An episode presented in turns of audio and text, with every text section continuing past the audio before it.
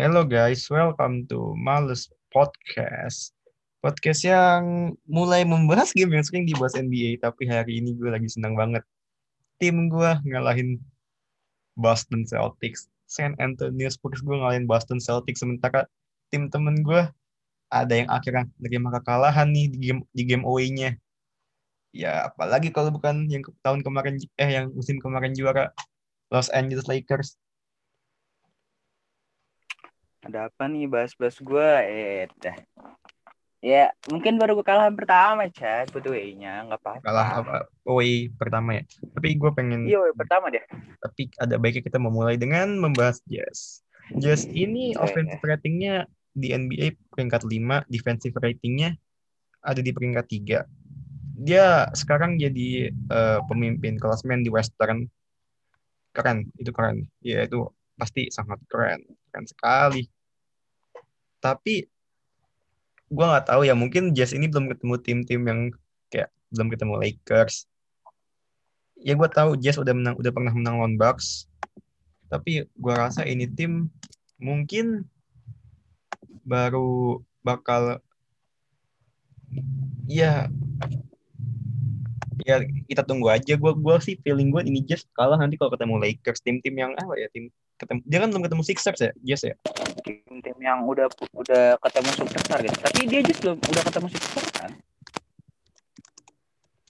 Ah, atau atau enggak ya, gue sih karena gue feeling gue Jazz ini ada kelemahannya sedikit di mana eh, kalau dia bertahan nih dia kan fokusnya di paint area ya nah karena dia fokus di paint area jadi suka nimbulin jarak tuh an- antara pemain yang depan eh, di di luar paint area sama di paint area kadang-kadang suka ada jarak segitu Eh, perma- harusnya menurut gue ya kalau musuh-musuh mungkin kalau tim eh, yang Jangan. punya pemain yang eh, mid shotnya bagus, gue rasa bisa sih ngalahin Utah Jazz karena itu gue gue selalu nemu titik kelemahannya di situ dan iya gue rasa kalau tim-tim NBA bisa eh, apa ya memanfaatkan itu ya bisa bisa aja Eh, Jazz Tapi, terima kekalahan Ah, tapi gini loh, Ju. Ah, Jazz ini tadi lawannya um, Dallas Mavericks kan. Logikanya Dallas Mavericks ini pemain-pemainnya bukan pemain-pemain biasa loh.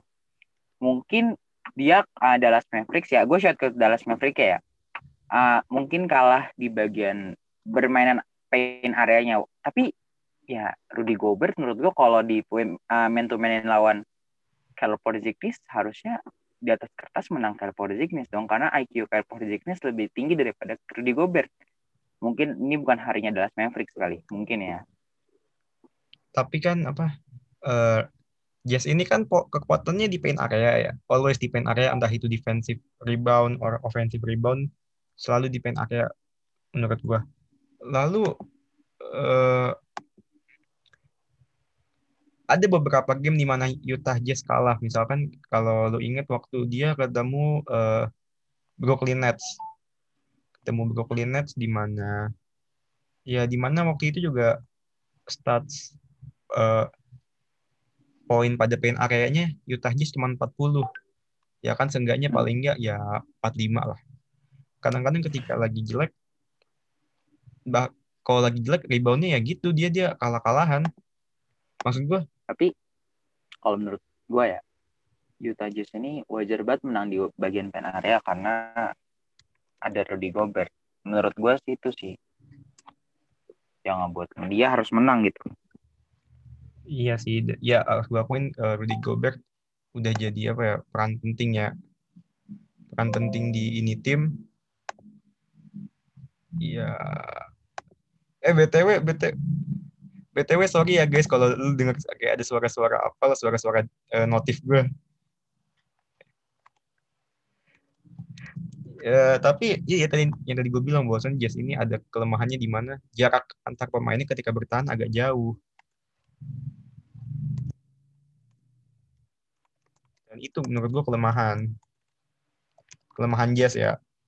Tapi mungkin bisa bisa jadi aja tapi gue gue gue, gue belum bisa bilang sih Jazz contender kuat karena itu tadi eh, dia itu belum ketemu tim kayak Lakers, uh, Sixers. Ya Dallas Mavericks ya. ya Dallas Mavericks kan juga musim ini menurut gua angin-anginan. Iya sih, tapi uh, angin-anginan di dalam segi timnya ya, tapi kalau pemain-pemainnya kayak Luka gitu nggak angin-anginan sih menurut gua. Iya pemainnya nggak angin-anginan, tapi kan uh, tim gameplay tim ya gameplay, gameplay, gameplay, gameplay tim ya. Kayak ah zaman-zaman eh bukan zaman-zaman sih. Uh, Wah, zaman di juara masih Dirk Nowitzki. Gila aja lu. ya enggak lah itu Nowitzki emang dia bawa. Emang Coba. Dia sih. Eh, Luka Luka juga jago sih kalau di di di apa ya di di main to main ini ya Luka sama Siapa legend uh, NBA yang dikalahin Dirk Nowitzki di final waktu Mavs juara? Ah ini. LeBron James lah. Gila aja. Di, emang dia, dia dia belum legend, Bos. Oh, tadi belum legend. belum legend. Chris Bosh. Legend, Chris Bosh. Iya, Chris Bosh. Ya lumayan lah sekarang. Tapi ya gimana? Dia, dia tapi dia no, Dirk Nowitzki. Tapi Dirk Nowitzki juga menurut gua gameplaynya sebelum dia pensiun ya? Begitu-gitu aja. Itu apa gue bilang ya uh, Jokic KW 2 ya eh, Jokic kedua mungkin. Ya mungkin kita udah gue mungkin mau lanjut ke game yang hari ini gue pengen bahas. Yaitu oke si Thunder versus what? Gue lupa astaga oke si Thunder versus uh, Phoenix Suns. Oh. di sini tuh tadi gue lihat uh, uh, lumayan banyak perbedaan ya uh, Suns yang awal musim menggila-gila dia sampai posisi satu di uh, Eastern West Eastern Fine uh, Eastern Conference. Sekarang udah mulai meredup. Yang seperti lu bilang bahwa tim-tim udah mulai ketemu ritmenya nih ya udah ya, games lebih. Udah udah mulai ketemu ritmenya dan akhirnya tim yang lumayan tinggi uh, oke okay, si Thunder bisa ngalahin tim Phoenix Suns. Walaupun hari ini ya uh, I'm so proud for Chris Paul. Hari ini saya dengan 32 poin. Cuma gila nih orang tua masih bisa bikin 20 poin, 32 poin. Kan gue bilang ah disusul. IQ disusul oleh yang bikin dia stay di NBA bukan? Fisik. Tapi, Tapi kalau lu bilang fisik, gue fine fine aja sih kalau Devin Booker aja belum belum belum main. Iya sih, but, tapi kan lawannya pakai Thunder boy. Tapi gue gue sedikit gue sedikit apa ya gue sedikit uh, shout out ke OKC ke ini karena dia dua games terakhir menangnya tipis-tipis aja ketemu Blazers. Iya Blazer tipis.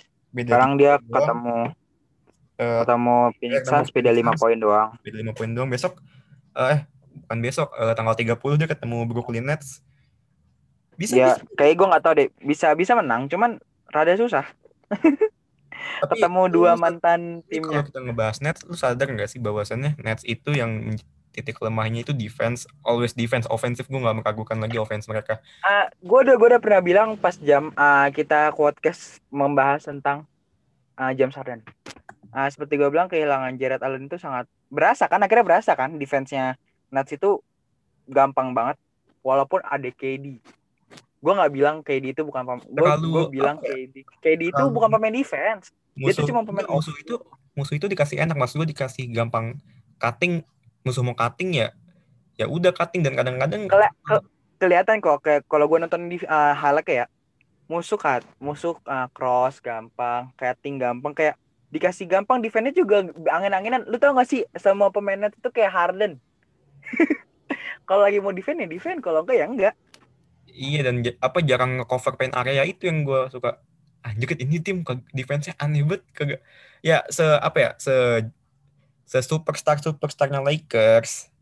Kalau itu ya. paint area udah pemain udah ke paint area pasti semua pemain juga nutupin orang itu dong. Ini ya. Nets ini ya ada beberapa momen sih, enggak tapi gue nggak gue nggak inget juga sih momen-momen kapan.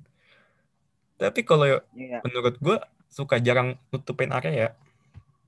Nets ini benar-benar kebut butuh buat pemain-pemain defense loh, sumpah. Kalau sampai dia, ya gue gue berani jamin Nets masuk playoff, gue berani jamin. Pasti Cuman kan seperti lo tahu, aja. seperti seperti enggak, gue gue makin ngomong itu berani, gue berani jamin Nets masuk playoff, but gue nggak berani jamin dia masuk at least final conference. Gue nggak berani jamin. Karena kalau masih dia kekurangan pemain defense, bakal hancur-hancuran. Karena lo tau lah, tim yang udah masuk playoff, gameplaynya udah gak kayak biasa. Bener Iya. dong. Tapi kayaknya gue balik dulu ke OKC bentar ya. Gue gue shout out ke Al Horford, Al Horford juga dia hari ini field goal percentage-nya 66,7 persen, di mana dia nyetak 5 three point attempts dan 5 limanya masuk, finish dengan 21 poin dan stat plus minusnya 14 nggak minus dan itu keren stats 4 plus minusnya nggak minus Plus minus nggak minus. Apa sih lu cat? iya stat, stat plus minusnya nggak minus plus Shell Gilgeous Alexander. And then ya kita lanjut aja ya ke game yang hari ini gue bikin story-nya San Antonio. Yoi, San Antonio Spurs. Spurs Kenapa sih? Kayaknya lu Yes. suka banget sama Spurs yang menang nih lawan Celtics. Enggak, karena gue senengnya itu pasti ya karena udah mulai nemu aja nih maksud gue nemu dalam artian. Gameplaynya Spurs ya. bukan. Eh, musim lalu itu masalah tim masalah Spurs ini kan ada di mana? Ketika di kuarter keempat menit-menit akhir. Itu always jadi masalah banget. Masalah apa maksud gue PR berat lah. Mungkin kalau fans Spurs ingat ada momen di mana kita di bubble ketemu Sixers. Mm-mm. Kurang Itu- clutch. Iya. Ya makanya gue bilang Spurs ini PR itu gameplay mah oke ya gameplaynya Popovich apa sih yang meragukan Gak lah. gak Pelatih yang timnas. meragukan tapi Gak ada yang mungkin ngeraguin lah. mentalitas di menit Udah ngelatih-ngelatih pemain-pemain bintang. iya apa tapi sekarang gue udah, udah mulai karena di menit-menit akhir Spurs udah mulai apa ya ng- nggak gampang puas gitu maksud gue leading satu leading satu poin pengen bikin leading tiga poin nggak nggak gampang puas gitu jadi mainnya lebih defense-nya lebih rapet ya gitu ditambah lagi kan tadi di menit-menit akhir juga eh, Kemba Walker di steal sama di Jonte T. Graham. tapi mungkin kalau gue ngebahas Spurs hari ini menurut gue hari ini lagi bagus aja nggak nggak ada jelek-jeleknya bahkan field goal, Wah, goal lu, lu sih nggak bisa bilang nggak jelek sih. Pasti ada jeleknya lah, Shot. enggak field goal field goals percentage mereka aja even di atas 50% hari ini walaupun field goals attempt mereka cuma 82 tapi mereka make 46 itu hari ini emang lagi wangi aja ini tim jadi gue Iya sih, wajar sih. mungkin three pointnya tapi three point ya three point Ya, menyetak 8 dari 28 kali percobaan basket bukan tentang three point lah ya.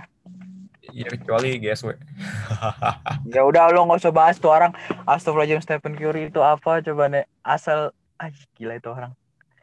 Tuan itu masuk ke MVP wajib sih. kita harus Ya. memberikan kita kita ketika kita membahas pertandingan kita harus memberikan shout out kepada pemain ya mungkin dari Celtics gue pengen shout out Ke Jason Tatum yang Jason Tatum. emang Udah balik lagi dan langsung ngebuktiin kalau Ini ini Jason Tatum. ya Jason Tatum ya Jason Tatum eh, Nah, walaupun dia kayak udah lumayan itu 14 harian lah pasti ya kalau karantina. Ya, nggak dia kan biasanya kalau ada ada pemain-pemainan yang kayak abis dari karantina pemainnya menurun kan permainannya menurun dan Jason Tatum meninggal. Dia langsung ngegas dari awal dia masuk. That's right. dan dia hari dia dan dia nggak nunjukin apa kayak nggak nunjukin ya sih dia, dia masih Kalau fit gue habis sakit. tapi iya. kalau dari Spurs gue seneng karena starter starternya hari ini nyetak double digit semua starternya Iya. Dejounte, Looney, Aldridge, Calvin Johnson dan bahkan Patty Mills juga enam pemain Spurs hari ini nyetak eh, double digit. Seneng banget gue ya iyalah seneng lah tim gue ditambah lagi DeMar DeRozan field goal percentage-nya 87,5 persen. Nyetak 7 dari Ya, 8 field goal attempt-nya. Gue gila ini tim lagi wangi. Udah nggak usah dibahas. Ada yang gue lagi sedih nih kenapa kalah clutch di akhir-akhir gitu. ya siapa lagi kalau bukan Lake Lakers versus 76er. Tobias Harris lu kampret banget sumpah di akhir-akhir dia clutch coy. Apa ya ngebahas ilmu goibnya ya mungkin aja ada faktor karma Danny Green dan Dwight Howard mungkin aja Yoi, karma diusir ya. bukan Bukan diusir diusir sih. Eh tapi tapi lu sadar gak sih? Kalau gue bilang dibanding sama uh, Mark Gasol, mendingan Dwight Howard loh. Sumpah. Iya kan makanya gue bilang kok ini tim manggil Montrezl Harrell Yang gak usah dibahas kayak anjir. Tapi walaupun ini gue gue alhamdulillah sih Dwight Howard selesai dengan 0-0 poin. 0 poin, 0 assist, cuma 4 rebound. What the fuck? Eh, kau Mungkin tidak melihat six man-mu, Montrezl Harrell. Enggak, enggak. Tapi kalau gua gua gua apa ya? Anjing. mereka- Lakers ini kan sempat ketinggalan agak jauh ya. Sempat Iya, ketinggalan ya. jauh bisa mepet lagi poinnya. Gua gua gua eh, gua sedikit ngeliat eh, bahwasannya transisi masih kunci. Transisi Masih kunci kunci dari Lakers. dari Lakers. Emang Lakers tuh Buat apa ya? Semua gameplaynya itu transisi itu susah loh. Iya tapi buat bikin sebuah Membuat- transisi kayak eh, transisi kayak Lakers yang mematikan itu pasti apa ya, istilahnya butuh rebound yang bagus juga. Pas gue rebound yang Iya, dan Montrezl Harrell nggak buktiin. Eh, enggak dia hari ini dia cuma satu ribuan. Goblok banget. mesti mesti kalau mau transisi bagus ya mesti reboundnya bagus. Nah Bagus. semen ya Sixers juga reboundnya nggak bagus-bagus amat sih tapi Lakers juga reboundnya cuma 37 rebound to- total reboundnya. Eh, tapi gini loh, kalau misalkan gue bilang ya, eh, Lakers ini walaupun kalah di rebound, tapi dia masih bisa main di eh, eh transisi jelek sih. Rebound Lakers emang jelek, cuman apa Eh, ya? Dibilang hustle, Ini juga bagus. pen area lumayan. Jadi kita nggak bisa samain gitu. Ya gue ngebela tim gue sih gitu sih karena gue bilang itu. Tapi Sixers, Sixers, Sixers gue akuin ya hari ini defense-nya bagus banget. Mungkin kalian kalau ngeliat statnya mungkin 10 steal ya. 10 steal. Bagus hari ini. Maksud gue Ah, defense-nya ah, dan juga dan juga eh, di sini Ben Simmons membuktiin bahwa dia bisa mencetak triple double. That's great. mungkin mungkin gue rasa Doc Rivers ini defense-nya hari ini gue menurut gue fluid aja. Dalam artian nggak mesti, Ah, nggak mesti zone area mesti gitu gitu. di mana man to man harus kayak lu defense ini lu defense ini fluid aja mungkin ya mungkin ya karena kan juga Sixers eh, pemainnya gede-gede semua maksud gue badannya Iya, tinggi pem- semua besar. jadi sangat kecil kemungkinan mismatch Ya kalau kita bilang ya pemain-pemain Sixers siapa sih yang kecil gitu? Paling bisa dihitung pakai jari. Seth Curry gitu, paling gitu doang. Green. Seth Curry ya tapi kan banyak Ya pemain ini sih saya po- badan gede Nah, Danny Green iyalah Tobias Harris, Joel Embiid, bahkan guardnya aja gede. starter aja Tobias starter aja tiga tiganya itu kan maksud gue pemain yang apa ya tingginya dia maksud gue bisa jadi power Dua tinggi tinggi power forward. Ya, gue bisa bilang guardnya aja tinggi loh. iya Ben Simmons ini. Lalu kita kalau ngeliat pemain gua gua ke Sixers dulu ya Joel Embiid bagus Iya. banget mainnya hari ini Iya. walaupun sempet tadi kan dia salah mendarat ya itu ya gara-gara didorong LeBron ya Wih, Flag akan bukan fall. dorong itu di di dikit doang cu flagrant fall ya. ya tapi kan lu kalau lagi di udara Cuman dorong ya tetep aja hitungannya iya sih benar. Iya Eh, tapi gue shout ke LeBron ya hari ini dia hustle banget bisa cetak 34 poin 6 assist dan 6 rebound ya. Orang tua ini ngebuktiin bahwa umur hanya angka anjas tapi ya Kema- kemarin 46 poin sekarang 34 poin. What? Masalah masalah three point Lakers ini udah jadi hal yang hal yang apa ya? Hal yang benar-benar lumrah udah biasa. Gue kemarin sempat baca stats stats gue ngerasa kayak ya gila ini tim kayaknya nggak nggak terlalu bermasalah dah sama three point shootnya yang, yang penting selama transisinya masih oke ya fine fine aja. Tapi kalau gue dan dan gue tahu ya dan gue kalau gue lihat ya pemain Lakers ini rata-rata pemain yang hustle tau gak sih? Pemain-pemain yang gak mau kalah. Jadi ya three point bukan masalah lah. Kayak dia mempunyai LeBron, Anthony Davis, Montrez enggak jadi. Marcel lah. Marcel Dennis Schroeder. Dia itu pemain-pemain yang lumayan hustle sih. But gue berharap Lakers ini ini kekalahan away pertama dia but ini nggak bakal jadi buat ke depan ke depannya gitu. Kalah ini kan cuma dia dan gue mau mbak wajar-wajar aja bahas sama tim segede Sixers. Maksudnya kan Sixers musim ini bahaya. Bahaya banget sumpah nih tim. Joel Embiid lagi panas Udah banget. Dia lagi pengen drink coy. Umur dia masih muda wajar. Umur dia tahun ini 22 apa 23 sih? Embiid tuh ya pokoknya itulah hari ini gue tuh pengen bahas satu pemain loh Syat Siapa? Bradley Bill kasihan itu orang sumpah ya Tuhan gue kalau denger Bradley Bill tuh dia timnya udah tujuh kali kekalahan beruntun paling bawah loh di bawah Piston Detroit bah bahkan Iya. Apa ya? uh, gini loh, kalau Bradley Bill menurut gua dia hari ini dia tuh sel, dia musim ini ya, musim ini dia uh, field goalsnya 35,4 poin. Lo bayangin, ribu itu wow. Tinggi banget menurut gue. Hari ini dia selesai dengan ini mainnya pakai squad maksud gue bukan squad utama kan? Maksud gue Westbrook gak Westbrook gak main habis itu tapi Avija gak main. tapi dia Denny Avija zaman Westbrook main pun tetap kalah sih enggak maksud gue gue kalau jadi itu gua, dia empat kali brun dia tuh apa ya main dari gameplay pertamanya ya itu selalu di atas 20 poin. Selalu di atas dari 25 poin. Enggak, tapi kalau uh, kalau kemar kemarin itu dia ngetrade-nya bukan Westbrook, dia bisa akan ngedapetin entah itu Oladipo. Eh, John Oladipo. Gue lebih mending Chris Paul sih. Ya mungkin kalau dia dapet Chris Paul karena uh, Bradley Bill kan udah maksud gue ya udah ya. superstar loh nih anak maksud gue main gue berharap dia itu butuh apa ya bo, tim gue rasa dia itu butuh satu temen satu satu timnya yang ball handler yang ball handlingnya bagus yang bisa jadi ball handler biar sama lah kayak John Wall lah ya. Iya dia iya ya mungkin kayak iya pemain-pemain kayak John Wall kayak Chris Paul. Iya Chris Paul terus kalau pemain muda siapa ya kira-kira pemain muda? Ya you, you name it Michelle Alexander. Karena ini lumayan banyak. ini pemain syutingnya shoot pemain eh tim ini shoot shooternya banyak. David Bertans Denny, uh, Denny FDJ itu shoot, shoot apa maksud gue shooter shooter shooter shooter, shooter bagus gitu maksud gue shooter shooter.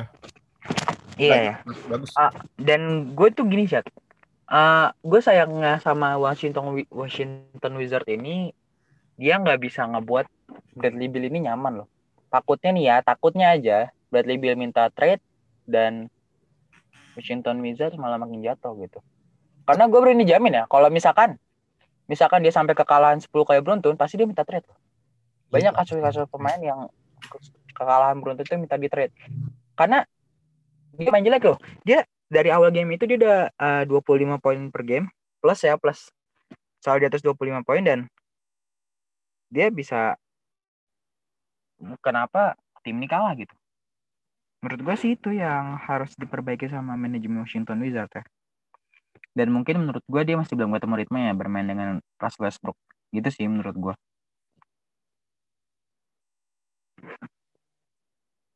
ya mungkin uh, eh, gue kalau ngomong tentang Bradley Bill dia pemain yang bagus banget ke depannya umur dia baru 27 bisa dibilang ini adalah prime time ya Ya pasti. Dan, tapi kayaknya. Prime time banget sih. Ya Bradley Bill still Bradley Bill ya. Tapi I think we have to go to game gamesnya Golden State karena di sana ada calon MVP. Menurut gue ya ada calon MVP Stephen Curry. Wajar, gue juga nggak bakal marah banyak yang ngomong dia calon MVP karena emang wajib banget dimasukin ke dalam calon maksud gue ini tim lama-lama jadi seru gitu maksud gue. Ya emang gue tahu yang namanya uh, Golden State emang fun to watch. Ball movement jalan. Fun banget. Off the ball ada. Pemain gerak semua. Yang gue suka sama Golden State ini uh, gameplaynya uh, sama ball move yang lu bilang tadi. Karena Stephen Curry ini adalah misioner yang lumayan bagus gitu. Bukan lumayan bagus, emang bagus. Tapi mari kita shout out ke rookie kita James Wiseman. Waduh, panas nih kalau pembahasan nih ngomongin James Wiseman. 25 poin kayaknya dia udah mulai cyber juga nih kalau Lamelo. udah udah ngibarin bendera peperangan untuk mendapatkan rookie of the year ya. Iya, tapi kita, tapi kalau rookie of the year gue tetap tetap tetap kalau kalau kalau misalkan uh, sampai sampai sampai selesai ini James Wiseman masih kayak gini dia rookie of the year. Karena tadi gue baca di gue tadi baca tentang statnya Lamelo hari ini main yang dengan worst gameplaynya dengan cuma 8 poin gitu loh. Dan ya, dibanding sama James Wiseman ini dia, dia, tapi dari kalau James dari kemarin James Wiseman ini gameplaynya bagus. Dibandingkan Lamelo, Lamelo Ball itu ketutup sama Gordon Hayward ya, yang lagi panas lagi apa ya, ini ini yang gue bilang di awal bahwasannya uh, uh, tiga kandidat rookie of the year gue Lamelo, Tyrese Haliburton sama James Wiseman. Kenapa gue James Wiseman kan juga maksud gue nggak belum stabil juga maksud gue. Tapi sekarang gue rasa James Wiseman ini uh, udah diproyeksikan sama Steve Kerr bahwasannya ketika uh, Curry lagi nggak walaupun Wiseman belum starter ya belum dapet apa uh, ke tempat jadi starter tapi gue rasa kalau dia di mentorin sama Draymond Green bisa jadi apa karena ini orang bagus gitu maksud gue uh, di defense maksud gue dia defense juga oke okay, bagus nggak nggak jelek. Ya I think ya itu aja lah kali ya. Ya itu sih mungkin. Ya udah I think that is the podcast. Thank you for listening and don't forget to share guys. Bye bye